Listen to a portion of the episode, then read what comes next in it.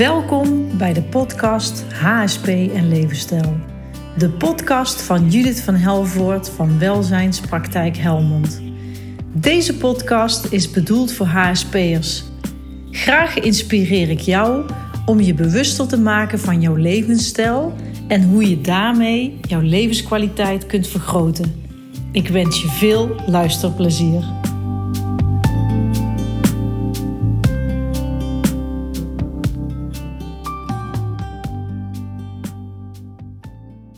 Welkom bij weer een nieuwe aflevering van de podcast HSP Levensstijl. Met deze keer als onderwerp overprikkeling voorkomen deel 1.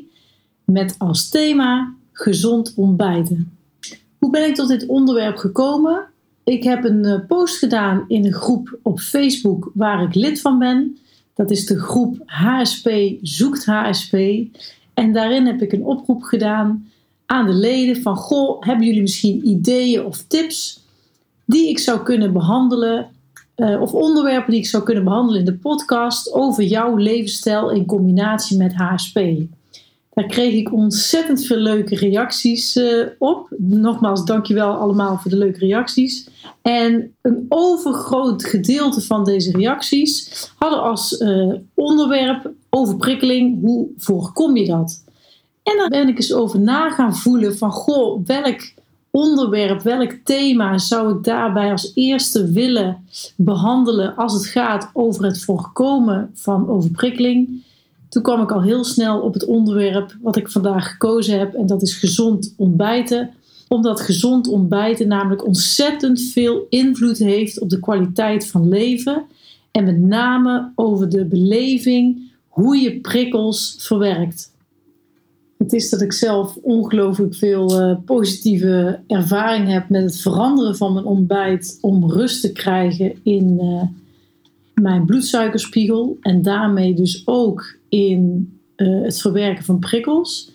En ik voel dat, dat als ik die ervaring zelf niet had gehad, dat ik waarschijnlijk nooit op het onderwerp was gekomen om overprikkeling te voorkomen, dat dat een relatie heeft met je ontbijt. En daarom ben ik ongelooflijk dankbaar met mijn eigen ervaring, dat ik uh, je dit aan kan reiken en dat je wellicht daar zelf ook eens uh, in gaat experimenteren om eens te voelen welke invloed het ontbijt heeft op jouw verwerking van prikkels.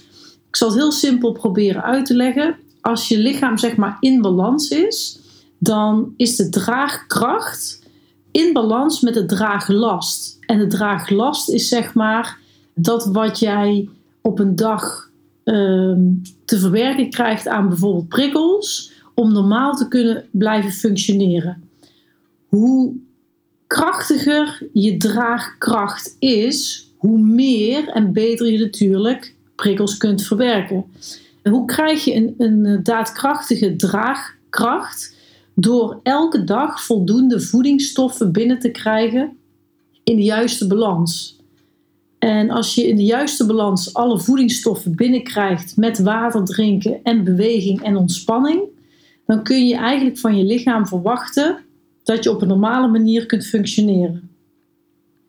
Het ontbijt is eigenlijk de belangrijkste maaltijd van de dag. En het is heel belangrijk om eigenlijk uitgebalanceerd te ontbijten, omdat je in een uitgebalanceerd ontbijt ook je in de juiste hoeveelheid de juiste voedingsstoffen binnenkrijgt. Op het moment dat je elke ochtend gaat ontbijten, zul je merken dat je daarmee eigenlijk de beste start van de dag hebt. Waarom is het belangrijk om de dag te starten met een ontbijt? Dat is omdat overdag, als je voedingsstoffen tot je neemt, dus zeg maar de eiwitten, de koolhydraten en de vetten, dan gebruik je die voedingsstoffen direct om energie uit te halen om te kunnen functioneren in het dagelijks leven. En s'nachts als je slaapt, dan heb je de voedingsstoffen nodig, de vitamine, mineralen, om je lichaam te herstellen van wat je overdag zeg maar ja, kapot hebt gemaakt. Dat klinkt zo heftig, maar wat je, wat je overdag zeg maar uh, verbruikt hebt, eh, heb je s'nachts nodig om te herstellen. En op het moment dat je ochtends wakker wordt, dan zijn eigenlijk alle reserves zijn op en vraagt jouw lichaam met alle 100 biljoen lichaamcellen alle voedingsstoffen en water. Op het moment dat je ochtends niet gaat ontbijten, dan is het eigenlijk hetzelfde als dat je met een auto probeert te vertrekken met een lege tank. Een auto die doet het meteen gewoon niet. Die kan niet rijden, de tank is leeg, dus de auto wil niet vertrekken. Bij een menselijk lichaam is dat compleet anders, want die gaat op zijn reservestoffen aanspreken als jij toch activiteiten gaat doen als je niet gaat ontbijten. En die reservestoffen is eigenlijk dat je spierweefsel gaat opeten en dat je vet gaat opslaan omdat je lichaam schaarste ervaart. Als je kijkt naar een traditioneel Europees ontbijt, dan zien wij dat in onze Europese manier van ontbijten dat er heel veel suiker is toegevoegd aan dat eten. Denk maar eens aan brood, aan, aan pure suiker in de koffie, s ochtends vroeg, zoete ontbijtgranen, het zoete beleg, crackers en die hoeveelheid suikers die je binnenkrijgt met je ontbijt, zorgt er eigenlijk voor dat je een onmiddellijke stijging krijgt in je bloedsuikerspiegel. En op het moment dat je boven de normale waarden van deze ideale bloedsuikerspiegel uitkomt, gaat je alvleesklier wakker worden en gaat insuline aanmaken om met die insuline de glucose die in je bloedsuikerspiegel zit te gaan verwerken. Die, die gaat hij eruit halen. En daar heb je dus insuline voor nodig om de bloedsuikerspiegel weer te verlagen. Hoe hoger de piek is van je bloedsuikerspiegel, hoe meer insuline je lichaam aanmaakt om die bloedsuikerspiegel te doen dalen. En door de hoeveelheid insuline die je aanmaakt, kan de waarde van je bloedsuikerspiegel zo laag worden dat het weer onder de ideale waarde terechtkomt, waardoor je honger ervaart. Maar niet alleen honger, ook kun je merken dat je een korter lontje krijgt, dat je geïrriteerd raakt en dat je eigenlijk ontzettend veel behoefte krijgt weer aan suikers. Dat kunnen zijn aan zoete suikers, maar dat kan ook hartige suikers zijn in de vorm van koolhydraten. En dan vraagt je lichaam dus eigenlijk om te gaan eten. Vaak zijn deze tussendoortjes of de lunch ook weer heel erg suikerrijk, waardoor je weer een piek krijgt in je bloedsuikerspiegel, weer insuline wordt aangemaakt door je alvleesklier en dan krijg je dus vervolgens weer een dip. Nou, als je dus heel suikerrijk gaat ontbijten, krijg je eigenlijk gedurende de hele dag een enorme schommeling van je bloedsuikerspiegel met de hoge pieken en te lage dalen, waardoor je heel erg onstabiel in je bloedsuikerspiegel functioneert. En met name in die dipjes van die bloedsuikerspiegel zul je merken dat je prikkels eigenlijk niet meer trekt. Dan krijg je de zogenaamde overprikkeling. Mensen die helemaal geen ontbijt nuttigen, die een ontbijt overslaan, die krijgen een hele lage bloedsuikerspiegel doordat de bloedsuikerspiegel daalt, omdat er geen voedingsstoffen binnenkomen en je toch gaat functioneren in dingen doen. Doordat je zeg maar het ontbijt overslaat, zakt die bloedsuikerspiegel onder de normale waarde. En als het energieniveau daalt, dan kan je dus ook een hongergevoel ontstaan. Om dat hongergevoel te stillen en zeg maar je energiedip te overwinnen, vraagt je lichaam weer naar suikers. Dus dat kan hartig zijn of dat kan zoet zijn. Op het moment dat je dan gaat eten, wat dan ook weer suikerrijk is, krijg je weer die piek in de bloedsuikerspiegel en krijg je eigenlijk hetzelfde verhaal als dat je heel suikerrijk wel ontbijt. Doordat je die pieken krijgt en die dalen krijgt in die bloedsuikerspiegel, is met het overslaan van het ontbijt niet heel handig als je kijkt naar de overprikkeling, want je wordt veel sneller overprikkeld op het moment dat je dus je ontbijt overslaat. Mensen die een ontbijt overslaan, krijgen na het avondeten een onstilbare trek. Die, blijven, die kunnen blijven eten en dat is natuurlijk ook niet bevorderlijk voor je lichaamsgewicht, omdat je namelijk eh, met het ontbijt overslaan uh, weer vet gaat opslaan voor reserves, spieren gaat opeten omdat er schaarste is en dan krijg je dus dat je aankomt in gewicht. Wat is nou het ideale ontbijt om te eten elke ochtend om die bloedsuikerspiegel binnen de bandbreedte te houden van je bloedsuikerspiegel? Dat is een uitgebalanceerd met alle voedingsstoffen die je nodig hebt op een dag in combinatie met eiwitten en koolhydraten. Op het moment dat je koolhydraten eet, en die heb je echt nodig om daar energie uit te halen, is het raadzaam om een ontbijt te kiezen waarbij je dus koolhydraten hebt in combinatie met eiwitten, omdat die ervoor zorgen dat de bloedsuikerspiegel binnen de bandbreedte blijft en je daardoor nihil aantal schommelingen krijgt in die bloedsuikerspiegel, maar die blijft dus binnen de bandbreedte, waardoor je dus niet die pieken hebt en die insuline hoeft aan te maken door je alvleesklier en dat je niet die dips krijgt, waardoor je die overprikkeling dus niet trekt. Een gezond, uitgebalanceerd ontbijt voorziet het lichaam van alle vitale voedingsstoffen die je elke dag nodig hebt om te functioneren.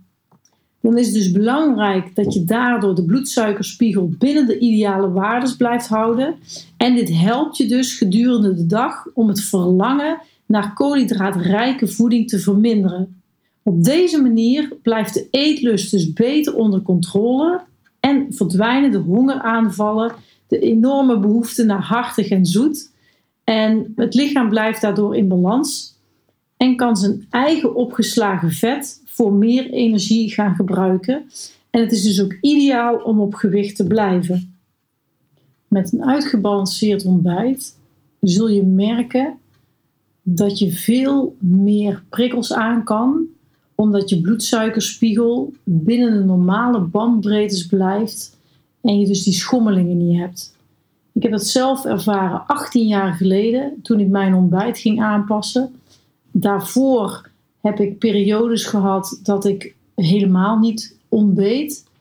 Ik dacht dat ik daardoor slanker zou zijn. Ik heb dat in mijn studententijd een hele periode gedaan. Dan sloeg ik mijn ontbijt over. En dan ging ik tegen de middag pas eten. En dan koos ik er vaak voor om dan chips te eten, omdat ik dan dacht dat dat minder calorieën was dan dat ik brood ging eten. Dus achteraf gezien natuurlijk heel dom. Maar dat deed ik in mijn studententijd, omdat ik daar absoluut geen kennis van had. En ja, ik deed maar een beetje. Ik, ik kwam tijdens mijn studententijd enorm veel kilo's aan. Ik had echt wel uh, overgewicht. Later, na mijn studententijd, ben ik wel gaan ontbijten, maar dan, dan koos ik er vaak voor een drinkontbijt in, in, in vorm van fruitontbijt. Omdat ik brood, ja, dat, dat, dat, dat vond ik allemaal veel te zwaar op de maag of zo. Dat vond ik nooit fijn. Toen ik mijn uh, ontbijt ging veranderen, 18 jaar geleden, dat heb ik volgens mij ook verteld in mijn eerste podcast. Toen ben ik begeleid door een welzijnscoach en die coachte mij op een drie gangen ontbijt. Ik startte het ontbijt met een aloe siroop. Dat is van de aloe vera plant. Dat is eigenlijk om op een milde manier uh, je lichaam te reinigen. Je hele spijsverteringskanaal, uh, de slijmvliezen in je mond, je slokdarm, je maag en je darmen. Die doe je op die manier heel mild reinigen. Waardoor je eigenlijk ook veel betere opname krijgt van de voedingsstoffen die je later eet. Ik kreeg daarbij een een theedrank, een, een kruidenthee, die ervoor zorgde dat de afvalstoffen die vrijkwamen van de detox uh, mild werden afgevoerd. Zorgde dat de vetverbranding uh, op peil uh, gebracht werd. En het had ook een aantal voedingsstoffen en kruiden voor de spijsverteringskanaal. En ik eindigde het drie gangen ontbijt met een voedingsshake, een smoothie, die ik um, eigenlijk nu nog steeds of niet eigenlijk, die ik nog steeds na 18 jaar eet. In die volgorde ook nog steeds de aloe siroop, de kruidenthee en de voedingsshake. En waarom? Omdat het me ongelooflijk goed bevallen is. En wat ik, wat ik merkte 18 jaar terug, is dat het sowieso enorm verzadigde. Uh, die verzadiging die was ik absoluut niet gewend. En die verzadiging, dat, dat vertelde mijn welzijnscoach, die was op celniveau.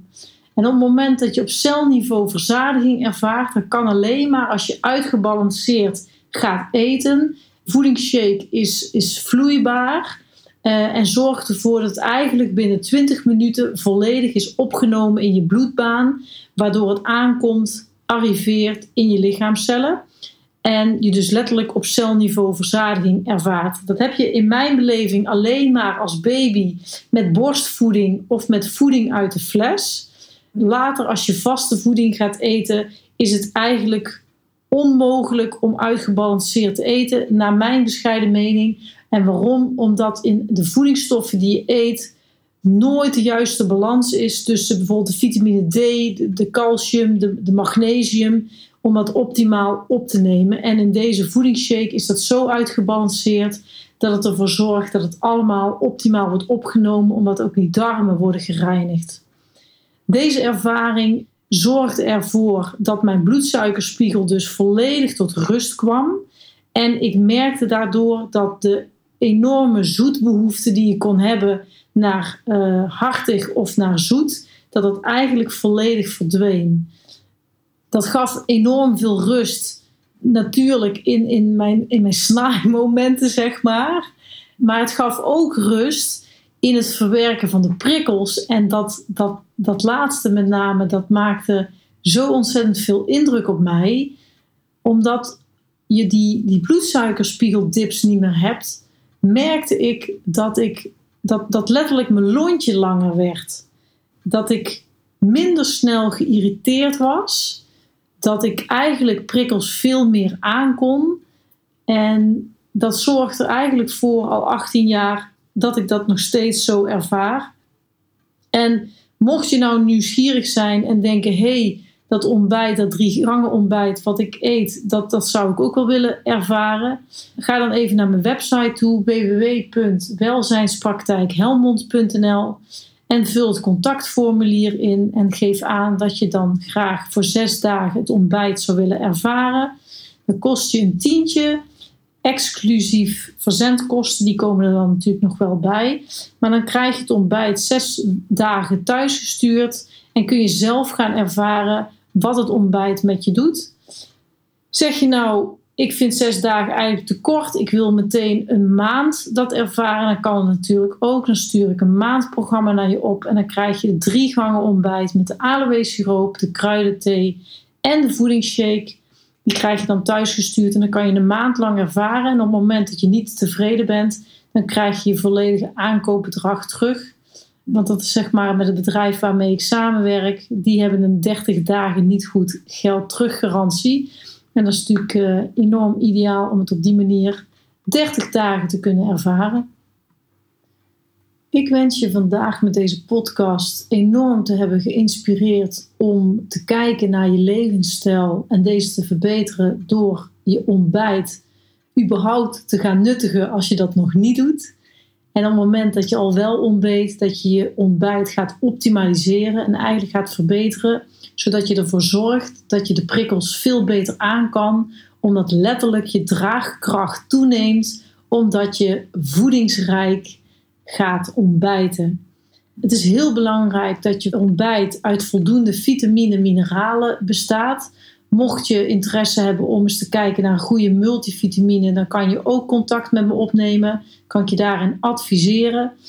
Maar het is ook belangrijk dat je ontbijt bestaat in de juiste balans koolhydraten en proteïne, eiwitten dus, om wat ik heb uitgelegd, je bloedsuikerspiegel optimaal te laten functioneren.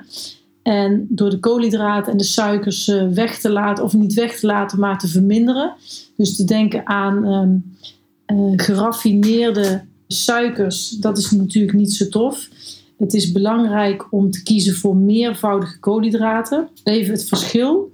Geraffineerde suikers, dat zijn enkelvoudige suikers. Denk daarbij aan geraffineerde witte suiker, wit brood, witte rijst, witte pasta, vruchtsappen en aardappelen.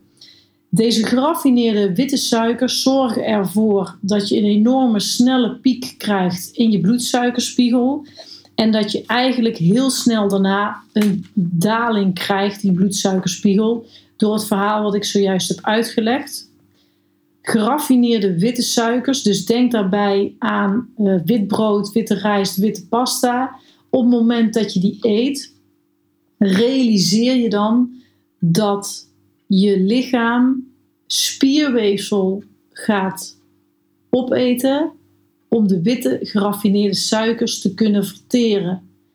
Het is daarom heel belangrijk dat je kiest voor meervoudige koolhydraten. Denk daarbij aan fruit met fructose, dat is het suiker uit fruit, groente- en graanproducten. Denk daarbij aan havermout, zilvervliesrijst, volkorenpasta, het liefst spelt en volkoren brood. Deze producten zorgen ervoor dat de spiegel van je bloedsuiker iets minder heftig stijgt, dat de verzadiging ietsje langer is en je op die manier dus veel minder schommelingen krijgt in je bloedsuikerspiegel. Dan heb je nog magere proteïne. En magere proteïne zitten in kipfilet, in vis, mager vlees, eiwitten en sojaproducten. En deze magere proteïne die hebben eigenlijk een veel langere verzadiging dan de meervoudige koolhydraten. En wat eigenlijk het aller, allerbeste is voor de langdurige verzadiging, is een combinatie tussen meervoudige koolhydraten en proteïnerijke uh, producten, zoals bijvoorbeeld voedingsshakes, uitgebalanceerde maaltijden en uitgebalanceerde snacks. En daarbij is de verzadiging minimaal drie uur en geeft dus veel meer rust in je bloedsuikerspiegel. Nogmaals hoop ik je dus inderdaad geïnspireerd te hebben vandaag. Dat er wellicht ook bij jou een muntje gaat vallen, een kwartje gaat vallen of een frank. Dat de invloed van gezond, uitgebalanceerd ontbijten dus absoluut invloed heeft op het verwerken van je prikkels. En op het moment dat je dus uitgebalanceerd gaat ontbijten, dat je daardoor ervoor zorgt dat je veel meer prikkels aan kan en dat je eigenlijk veel meer kunt genieten van het leven zelf. Dat gun ik je. En ehm, ja, ik, ik, uh, ik hoop je volgende keer weer te horen met een nieuwe aflevering van de podcast. En ik wens je voor vandaag een hele fijne dag nog. En dank je wel voor het luisteren. Tot de volgende keer.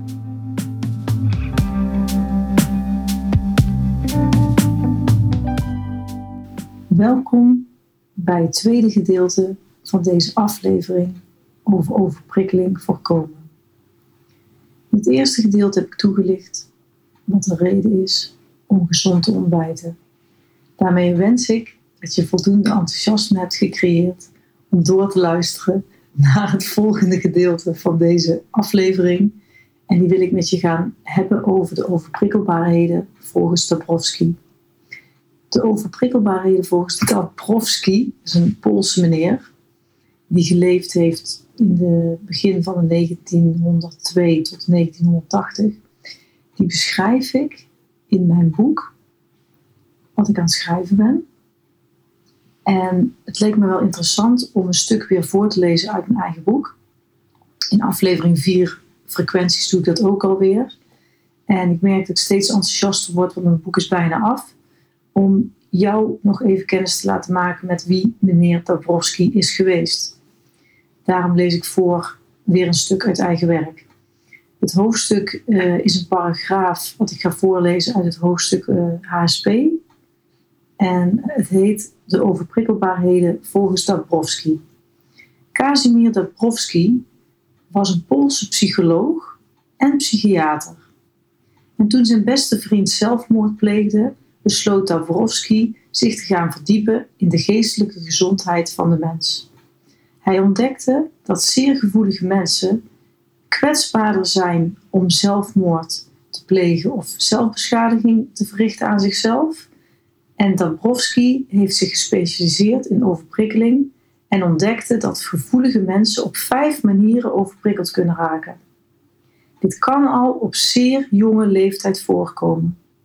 Overprikkeling is een eigenschap van het zenuwstelsel dat een bovengemiddelde gevoeligheid voor prikkels, een lage prikkeldrempel dus, en een bovengemiddelde reactie op prikkels laat zien. Dabrowski noemt deze overprikkelbaarheden ook wel een tragische gave. De levensweg van mensen met overprikkelbaarheden is er zelden één zonder kuilen en hobbels. Doordat een gevoelig persoon de realiteit kan ervaren als een complexe, intense en veelzijdige ervaring, gaat dit vaak gepaard met overprikkeld raken. Deze ervaring kan vaak leiden tot innerlijke conflicten. En de intense beleving kan gepaard gaan met grote hoogtepunten en diepe dalen. Gevoelige mensen kunnen grootse creatieve en maatschappelijke prestaties leveren, maar kunnen gelijkertijd ook heftige interne conflicten ervaren en stress. De vijf manieren waarop mensen overprikkeld kunnen raken, zal ik hierna gaan bespreken met je. Psychomotorische overprikkelbaarheid. Psychomotoriek zijn de bewegingsprocessen die willekeurig beïnvloed en bewust beleefd kunnen worden als mens. Denk daarbij aan lopen, spreken en mimiek.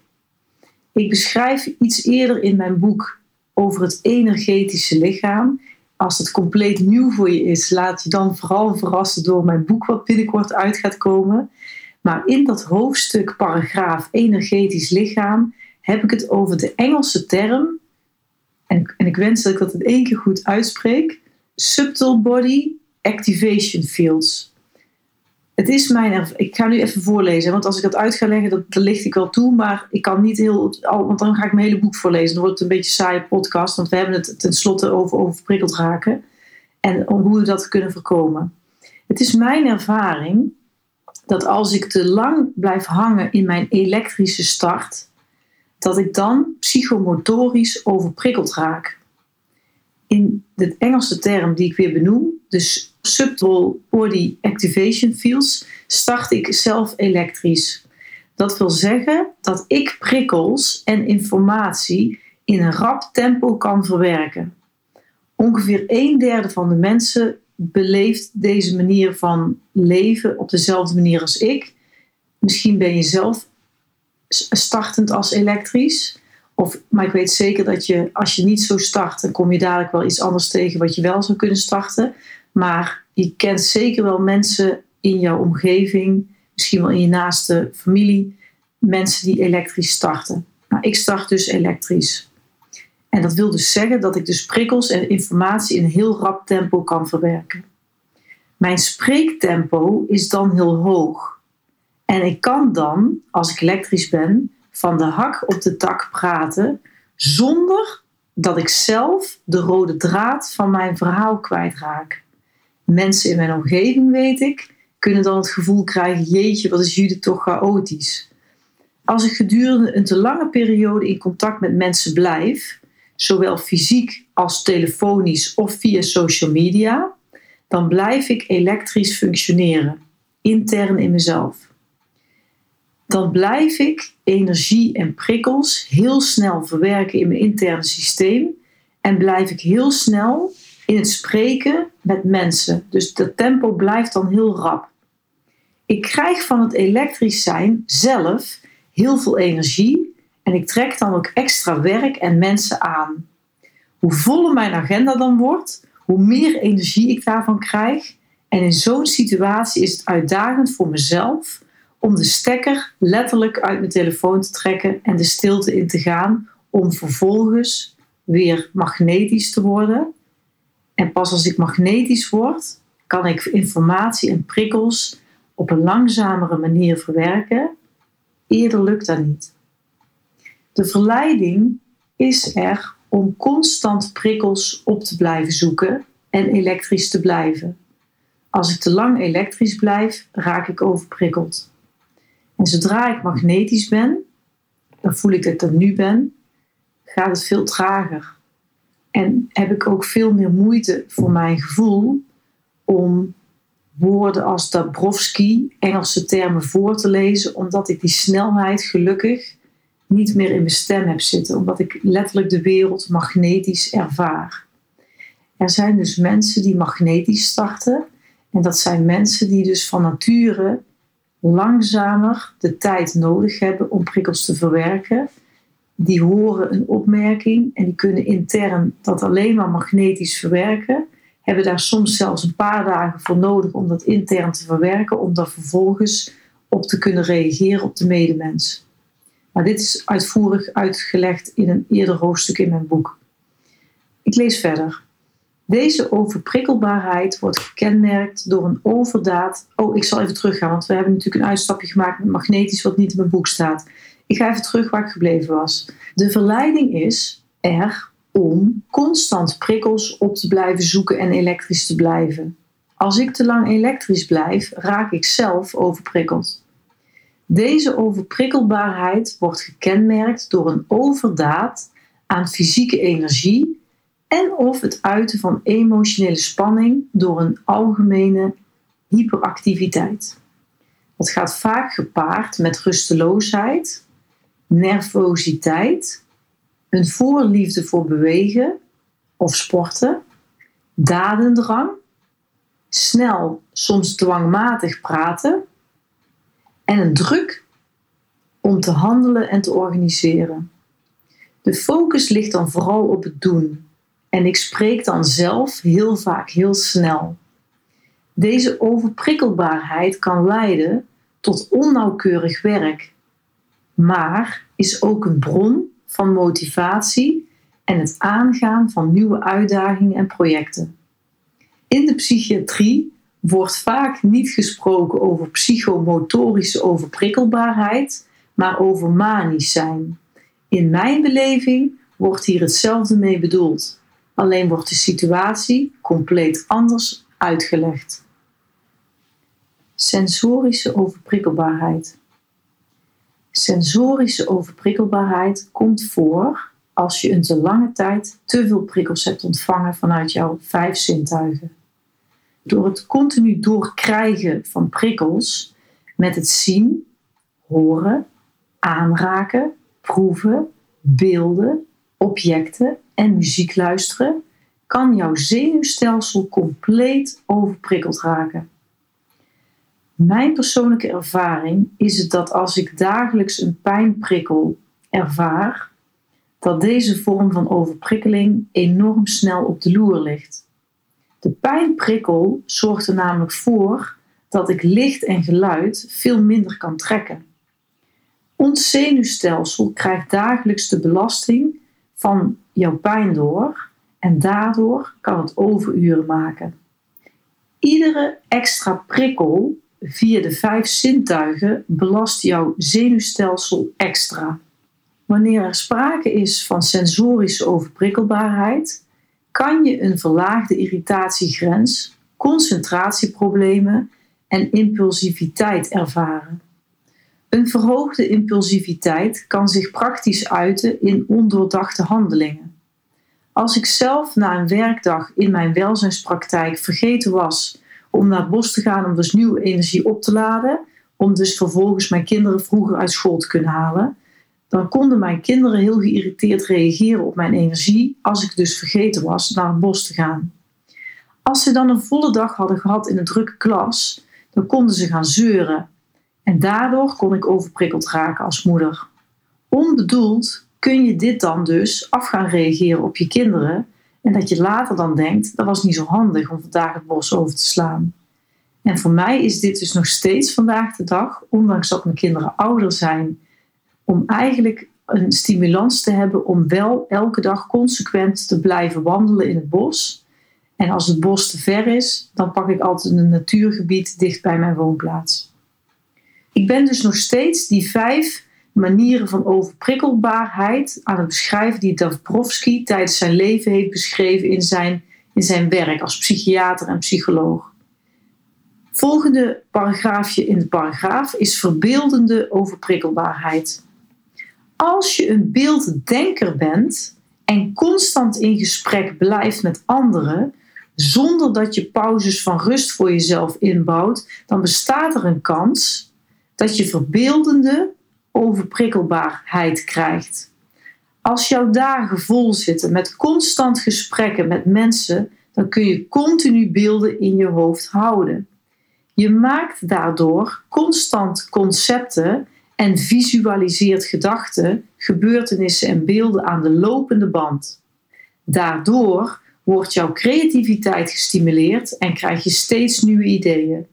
Dit geeft je in eerste instantie heel veel energie nieuwe energie. En daar kan je zelfs heel enthousiast van raken.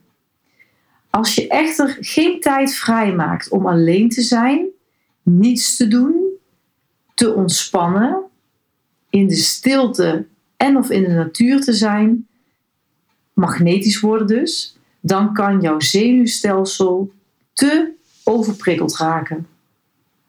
Een andere vorm van overprikkelbaarheid die Dabrowski heeft beschreven in zijn levenswerk heet emotionele overprikkelbaarheid. Als je HSP bent, kan je niet alleen jouw eigen emoties goed voelen, maar ben je juist erg goed in staat om andermans emoties aan te voelen.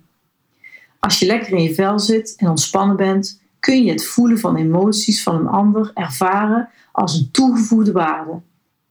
Zodra je spanning voelt, gestrest bent en niet meer lekker in je vel zit, kunnen de emoties van een ander juist overweldigend zijn en te intens, waardoor je emotioneel overprikkeld kunt raken.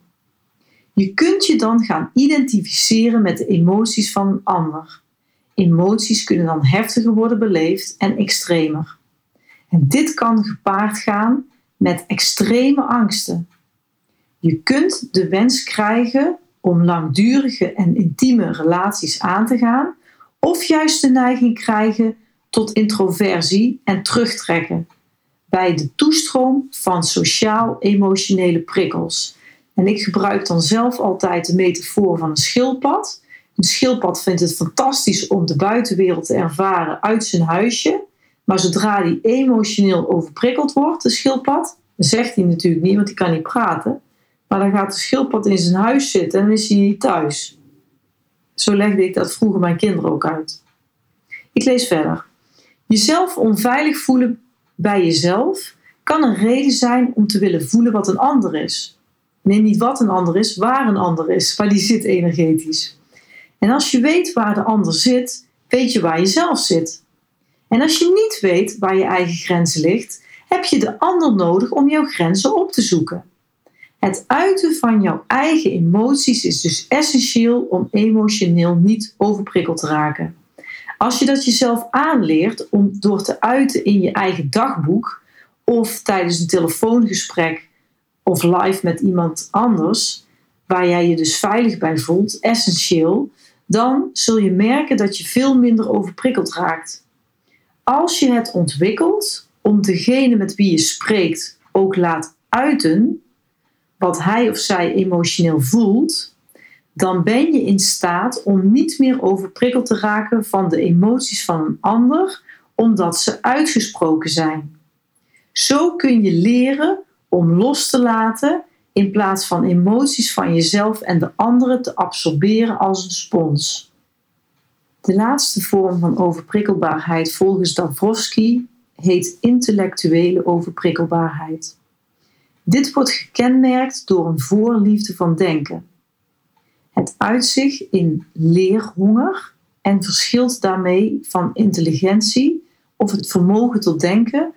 Er is eerder sprake van een sterke wil tot willen weten.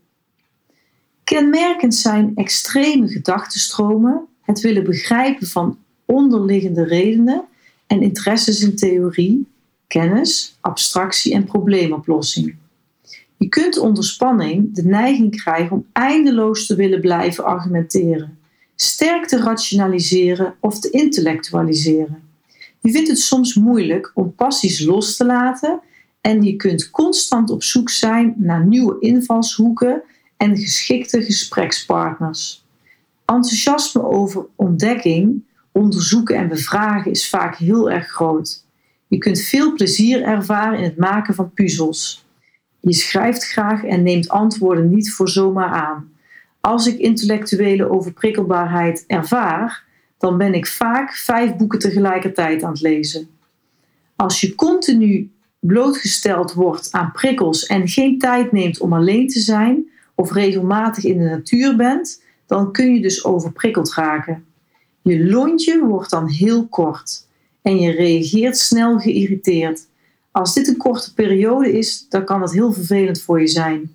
En wanneer een periode van overprikkeling veel langer duurt dan goed voor je is, kan het er uiteindelijk voor zorgen dat je gespannen en gestrest wordt. Je terugtrekt uit je sociale leven of dat je dus een burn-out krijgt. Of ontwikkelt, hè? Denk maar weer aan die schildpad. Overprikkeld zijn kan de basis vormen om manisch te worden, depressief of zelfs psychotisch.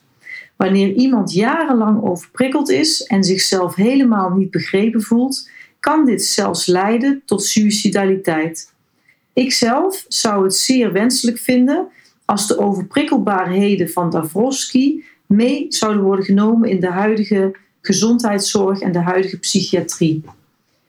Overprikkeld zijn kan de basis vormen om manisch te worden, depressief of zelfs psychotisch. Uiteindelijk kan het leiden tot suicidaal worden. Dat is een uitspraak van mezelf op basis van de ervaring die ik heb opgedaan de afgelopen jaren in mijn praktijk. Nou, dit stuk wat ik voorgelezen heb uit mijn boek is nu hoofdstuk 6 in concept. Straks als het naar mijn redacteur gaat en naar de uitgeverij kan het zomaar zijn dat het wisselt. Dus als ik zeg het is hoofdstuk 6 over hoogsensitiviteit en je hebt het boek uiteindelijk in je handen en je denkt ja maar dat is een heel ander hoofdstuk. Bij het moment van opnemen van deze podcast was het in concept nog, nog steeds hoofdstuk 6. Mijn groene hoofdstuk. Ik doe dat met kleurtjes omdat ik dat makkelijk vind te onthouden met het redactiewerk wat ik op dit moment aan het doen ben. En mijn hoofdstuk groen over hoogsensitiviteit gaat dus over HSP zijn. Hoogsensitief persoon zijn. Het gaat ook over de hoeveelheid antennes die je hebt. Dat leg ik dus allemaal uit in mijn boek. Maar ik voel wel dat. Want het, want het uitgeven van een boek, dat is een heel lang proces. Ik ben aankomende zomer zelfs al zeven jaar aan mijn boek aan het schrijven. En je kunt je voorstellen dat zeven jaar geleden mijn kinderen inderdaad nog op de basisschool zaten. Nu op de middelbare school en zelfs bijna voortgezet onderwijs wat hierna komt. Dat, dat ik daardoor met het lezen, het voorlezen al merk, oh jee Jut, dat is toch nog even aanpassen. Want tegen de tijd dat het boek uitgegeven wordt, is het wel belangrijk dat het klopt is. En dat is mijn perfectionisme die me enorm in de weg zit al zeven jaar lang. En dat is ook een van de redenen dat mijn boek nog steeds niet in de hand is verkrijgbaar voor, voor jou als, als luisteraar. En voor mij de aanleiding om vorig jaar zomer, juli was dat, om de podcast te starten. Mede dankzij Matthijs, mijn technische man, die mij dus helpt om te durven. En mijn kinderen hebben vroeger op de vrije school gezeten heeft Trudik al aangegeven in de, laatste podcast, de podcast hiervoor. Mijn kinderen hebben op de vrije school gezeten en die vrije school die heeft het vak durfkunde. En durfkunde is eigenlijk niks anders dan een vel papier en gewoon te durven tekenen. En mijn kinderen leerden dat al op vanaf de kleuterschool durfkunde. En dat ontwikkelt zich natuurlijk naarmate de kinderen ouder werden, dat dat durfkunde met tekenen en met mat op nat schilderen steeds verder ontwikkeld werd richting groep 8. En voor mensen die interesse hebben in wat de vrije school precies inhoudt, google maar eens een keer op vrije school. Op basis van meneer Rudolf Steiner. En dat is uit mijn hoofd een Duitse meneer die deze filosofie heeft ontwikkeld in de vorige eeuw. Ik werd heel enthousiast over het schoolsysteem, de vrije school, omdat daarmee antroposofisch naar de kinderen werd gekeken. En dat maakte mijn, mijn keuze eigenlijk voor de vrije school heel natuurlijk om dat te doen vanaf de leeftijd uh, kleuterschool, vier jaar voor mijn oudste. En mijn jongste heeft de peutersgroep zelfs gedaan. Omdat ik daarvoor niet op de hoogte was dat de vrije school überhaupt bestond in Nederland. Maar dankzij een hele lieve buurtgenoot van mij. Zij attendeerde mij op de vrije school de open dag. En toen ben ik daar een keer gaan kijken. En uh, ik kan me nog herinneren dat ik als uh, jonge moeder van een kind van drie jaar overweldigd was door het houten speelgoed in de kleuterklas. Want het was net alsof ik in de, in de vorige eeuw letterlijk stapte met alleen maar houten speelgoed en natuurlijke materialen. Omdat ik in mijn leven, voor mijn gevoel, nog nooit in een ruimte was geweest. Een, een, een ruimte zonder plastic. En dat maakte dat ik, dat ik echt moest huilen op die open dag toen ik in die kleuterklas binnenkwam.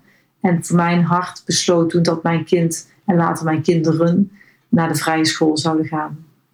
Even terugkomend op het zesde hoofdstuk, het groene hoofdstuk van hoogsensitiviteit.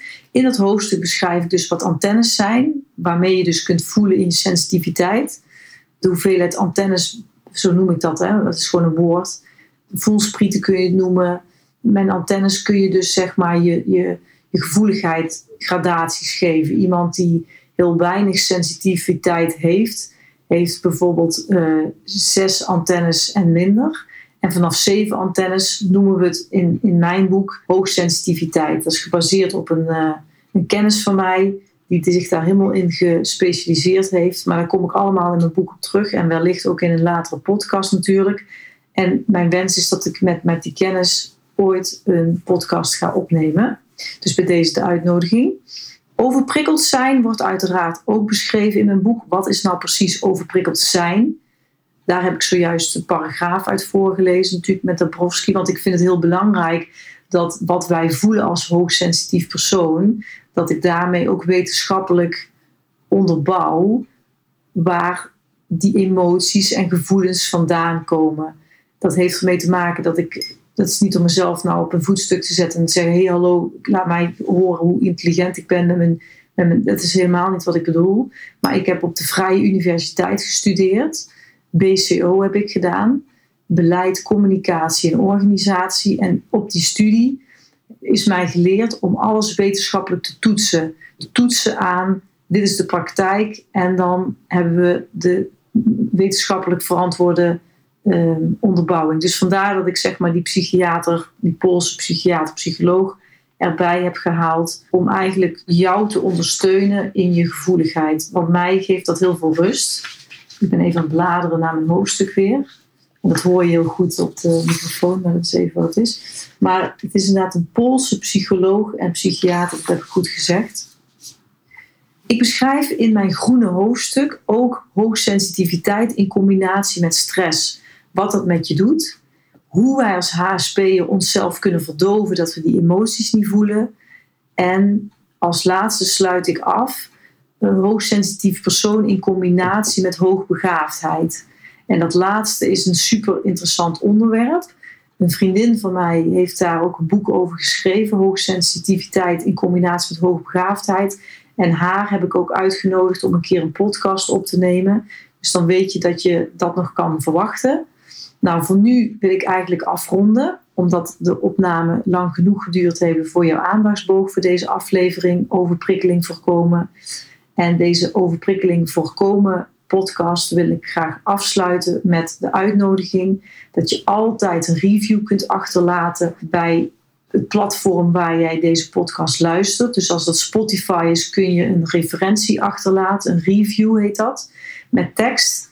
Je kunt ook sterren afgeven. Dan kun je, als je het helemaal fantastisch vindt, vijf sterren geven. Dat zou natuurlijk fantastisch zijn, want daardoor wordt mijn podcast weer meer gevonden door andere hoogsensitieve personen. En ik weet uit ervaring van de feedback die ik uh, wekelijks en bijna dagelijks nu krijg, dat heel veel HSP'ers nog niet durven uit die schil te komen van die schildpad.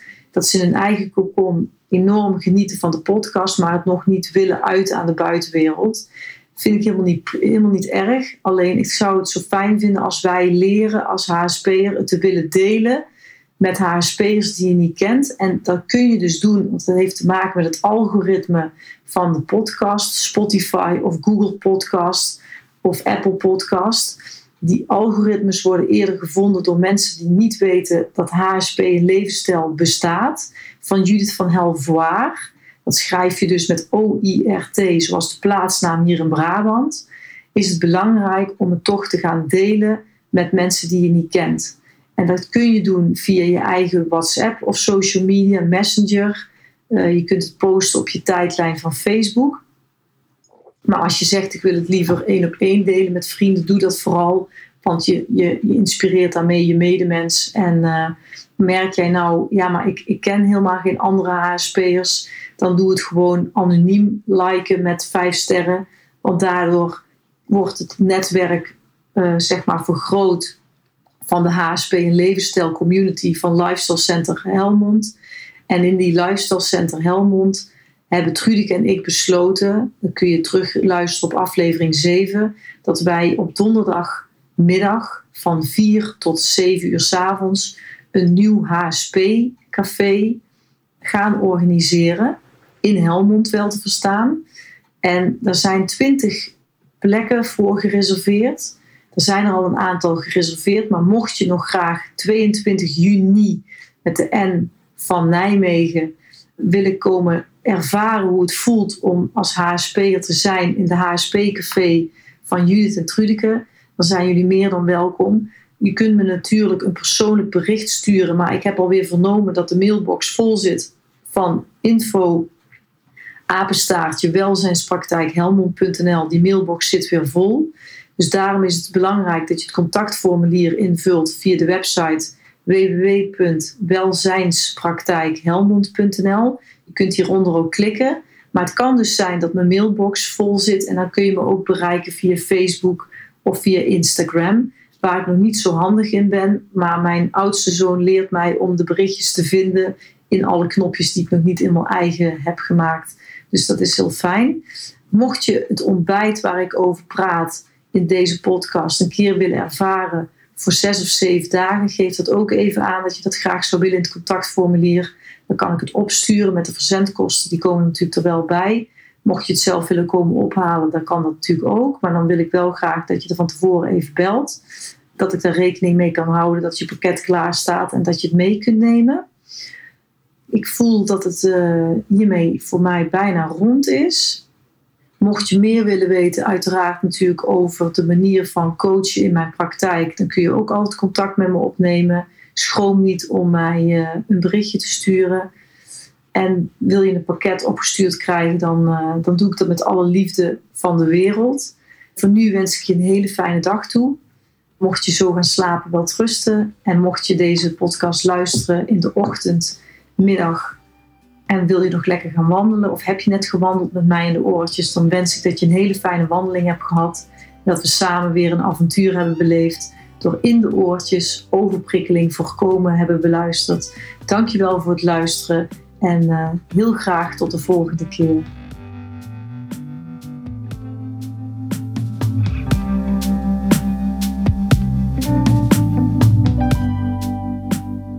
Leuk dat je hebt geluisterd naar de podcast HSP en Levensstijl. Abonneer je op deze podcast zodat je zeker niets meer hoeft te missen. En als je het leuk vindt, zou ik zeer waarderen, mag je een review achterlaten met daarin een reactie hoe je deze podcast hebt ervaren. Je kunt me vinden op de website welzijnspraktijkhelmond.nl. Daar kun je het contactformulier invullen mocht je een reactie willen. Je kunt me vinden op Facebook onder de naam Judith van Helvoort. En Helvoort schrijf je met O-I-R-T. En op Instagram ben ik te vinden onder de naam Judith, streepje aan de onderkant van, streepje aan de onderkant Helvoort, H-E-L-V-O-I-R-T. Ik wens je nog een heerlijke dag toe of een hele fijne avond. En wie weet tot gauw.